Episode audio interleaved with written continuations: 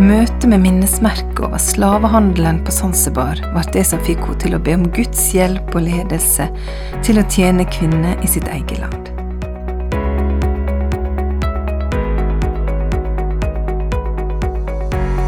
Velkommen til Håpets kvinne, et program fra Norea Mediemisjon.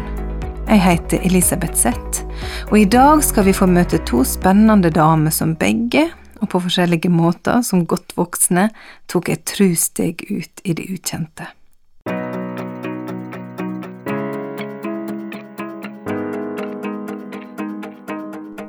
Den første gjesten vår er Olaug Husby.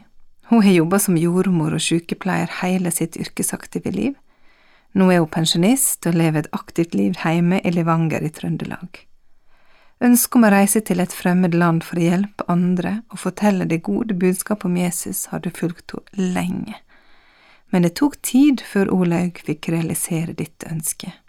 Marit Veimo møtte Olaug Husby hjemme i stova og spurte hva det var som gjorde at hun ønska å reise ut som misjonær. I hjemmet vårt hvor vi vokste opp, vi var sju søsken. Far og mor var engasjert i foreningsarbeidet der, da. Og når det var møteuker, da bodde emissærene hjemme. Og det var misjonærbesøk og sånn. Det var bestandig interessant å høre, og de hadde så mye å fortelle. Og jeg husker på at vi som unger identifiserte oss veldig med misjonærene. Og at vi valgte ut hver vår, som egentlig vi var vår, egentlig. Og da vokste det fram et kall hos deg også? Ja, jeg må si det at når jeg var ferdig i sykepleien, så eh, reiste jeg på jordmorskolen. Og jeg tror kanskje allerede da lå det der at jeg skulle bruke det til det. Men så ble det at det kunne jo vente. Jeg var jo enda ung. Jeg var jo bare 23 år. Så reiste jeg tilbake til, til Levanger og begynte som jordmor. Men så var jeg på besøk i Oslo, og da var det en stor misjonærinnvielse i Njordhallen i 1967. Og da ble det veldig sterkt for meg, for da var det en hel flokk som ble innvidd som misjonærer. At jeg skulle vært en av de som var i den flokken. Men så kom det på avstand. Men det lå der hele tida. Men det tok altså noen år før du, før du tok eh, motet deg til å Eller kjente på at kallet nå, nå, må jeg'? Ja, og det, det var litt rart, for at jeg var jo Jeg ble jo veldig engasjert i politikken og var med der, og det var så mye som egentlig var interessant. Mm. Så det, men så var jeg, var jeg, på besøk i Sudan, og da når jeg kom hjem derfra, så tenkte jeg nå må jeg bare ta det skrittet. Og da snakka jeg med en, eh, en i misjonen som var på besøk i Trøndelag. Og da så fikk jeg høre det at jeg var for gammel.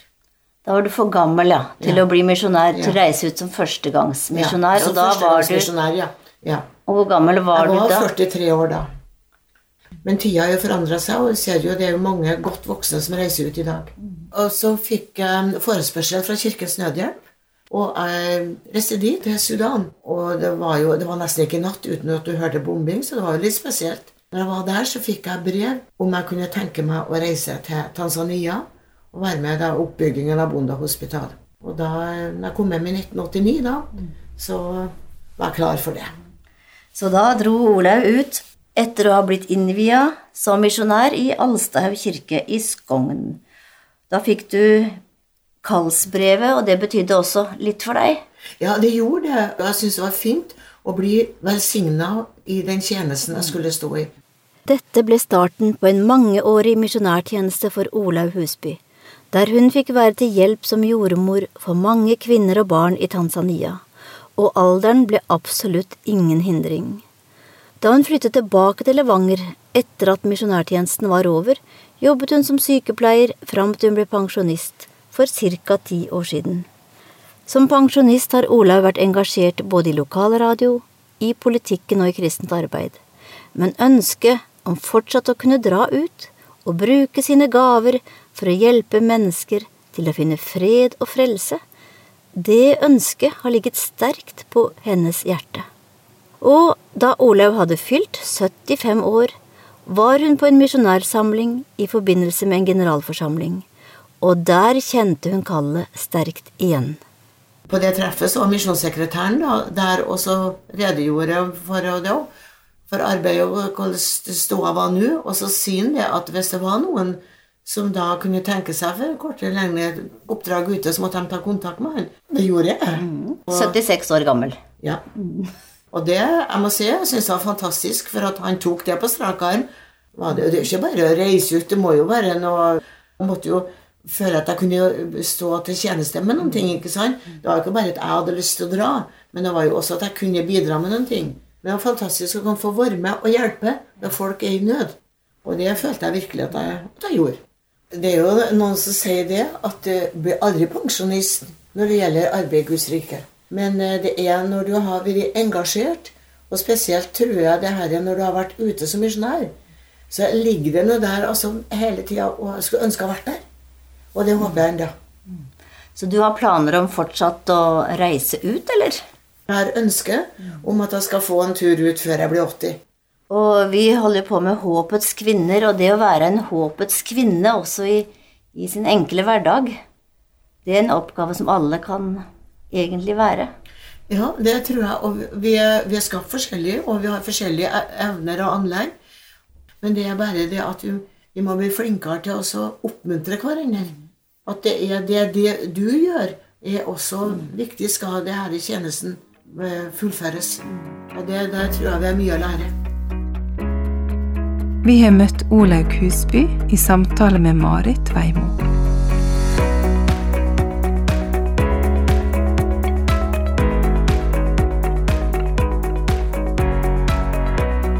Olaug er godt voksen, men hun er et fantastisk eksempel på at en ikke er for gammel til å bli brukt i tjeneste for Jesus.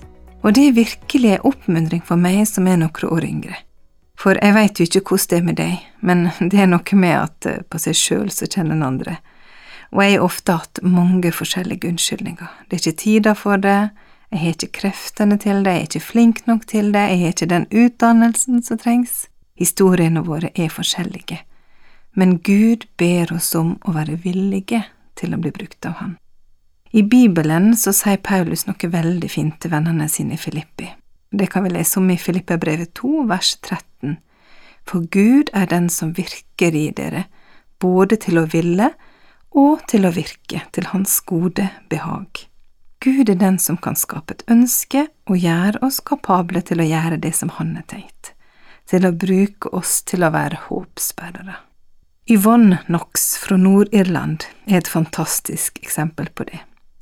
Hun var vaskehjelpa som Gud valgte ut til å gi trøst og oppmuntring til mange jenter og kvinner i Nord-Irland, der hun kommer fra. Og det var møtet med Håpets kvinner sitt arbeid i Tanzania og på Zanzibar som ga henne motet til å be Gud, jeg er villig.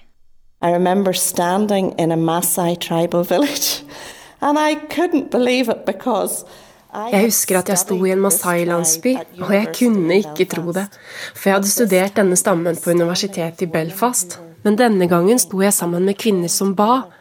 Vi ba sammen, og vi ba for kvinner andre steder i verden. Det var et utrolig sterkt øyeblikk for meg. Og det å se alle disse nydelige kvinnene i sine farger og drakter var helt fantastisk. Vi ba sammen, vi danset og sang sammen, og tårer rant nedover kinnene våre. Vi var på jorden, men det var på en måte et himmelsk øyeblikk, for Guds herlighet var rundt oss på alle kanter. Da vi besøkte Tanzania, endte vi opp på øya Zanzibar, og vi sto utenfor slavemarkedet, og jeg husker jeg leste en plakett på veggen som fortalte om dr. Livingstone, om de mennene som jobbet hardt for å avskaffe slaveriet. Jeg ble veldig rørt, og jeg husker at jeg ba stille mens jeg sto der. Gud, hvis en mann var villig til å redde slaver. Du vet, det er flere slaver i dag enn det var da. Sa jeg, Herre, jeg er villig.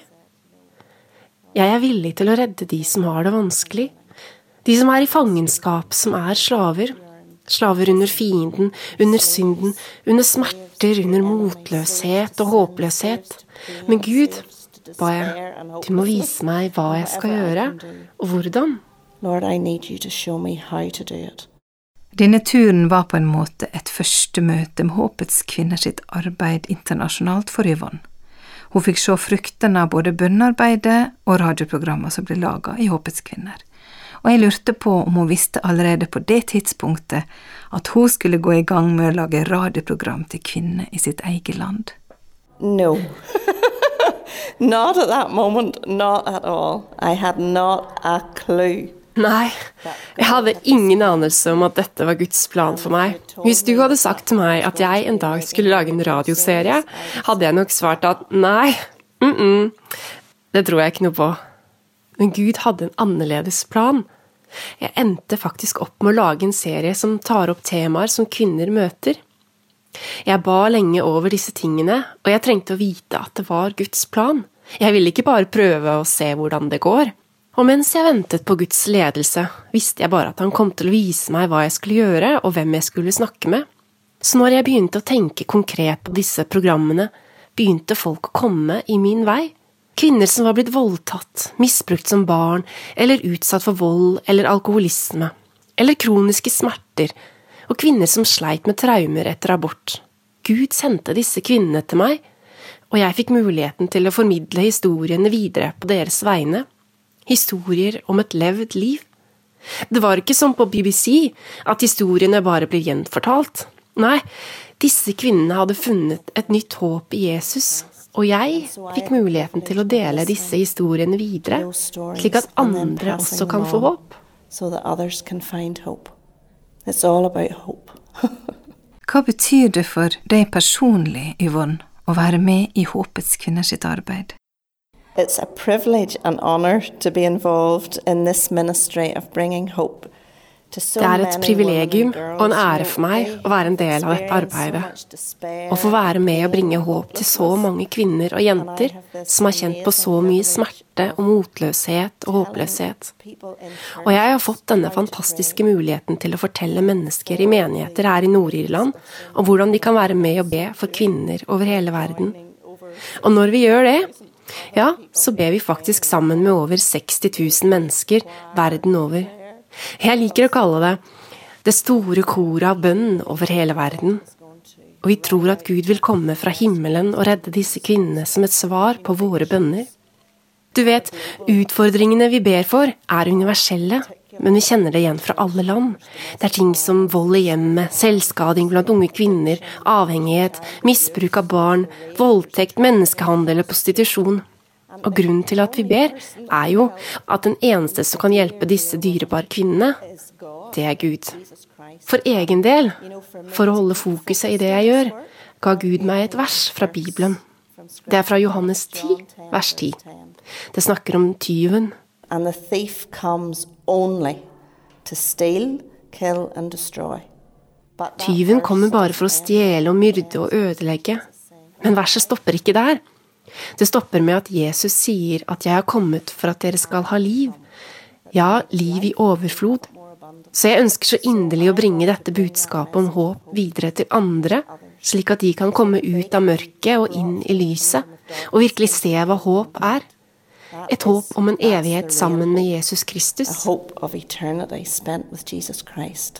Yvonne, hvordan kan vi være håpets kvinner? I believe passionately that the way we can be women of hope is by meditating on the Word of God. Jeg er lidenskapelig overbevist om at måten vi kan være håpets kvinner på, er å leve i Guds ord, grunne på det og studere det. For meg er dette den eneste måten å leve på. Som kvinner får vi tilhøre Jesus. Men vi går gjennom smerte, motløshet, og vi opplever å få hjertet vårt knust. Hvordan kan vi takle alt dette? Hvordan kan vi være håpets kvinner for andre? Gi dem håp? Jeg tror vi må forsyne oss godt av Guds ord, slik at vi har fått i oss nok næring, så vi er utrustet slik at vi er der i livet at vi vet at Jesus elsker oss, bryr seg om oss, holder oss nær til seg, sørger for oss og beskytter. Og i Hans ord er det vi finner mot og styrke. Du vet, da Josva i Bibelen skulle lede israelsfolket inn i det landet som hadde blitt lovet dem, fikk han først beskjed om å lese og grunne på Guds ord. Første bud var ikke å samle alle troppene eller våpnene, men å lese Guds ord. Og slik er det også for oss i dag. Vi trenger Guds ord for å bli styrket og holdt oppe.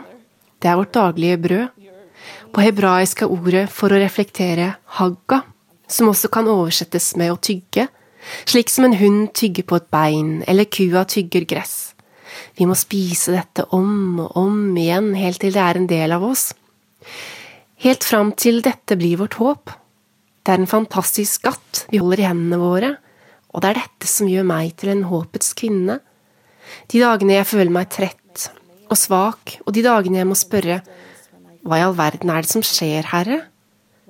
Da kan jeg gå til Guds ord og finne trøst og styrke til å møte en ny dag som en håpets kvinne. To face a new day as a woman of hope.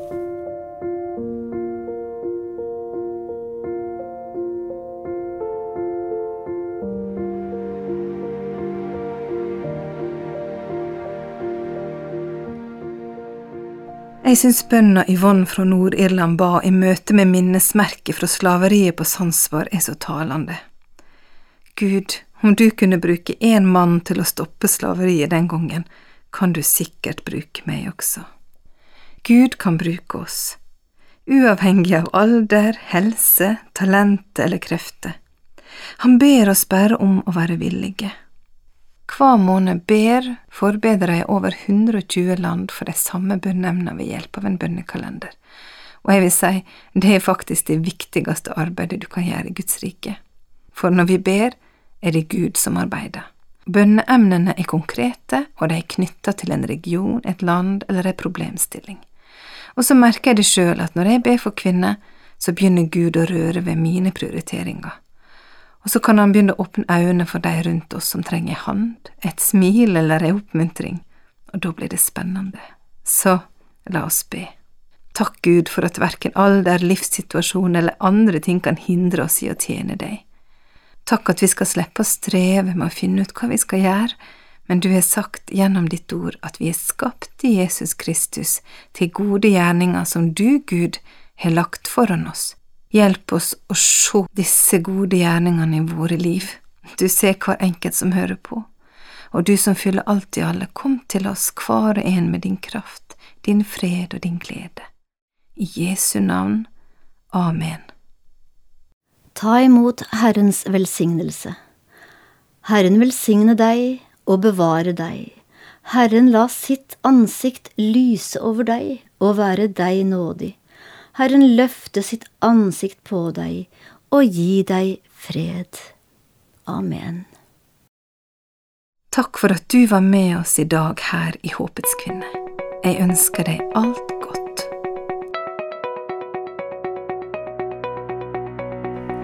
Du har lytta til programmet Håpets kvinne fra Norea Mediemisjon. Ønsker du informasjon om vårt arbeid, gå inn på norea.no.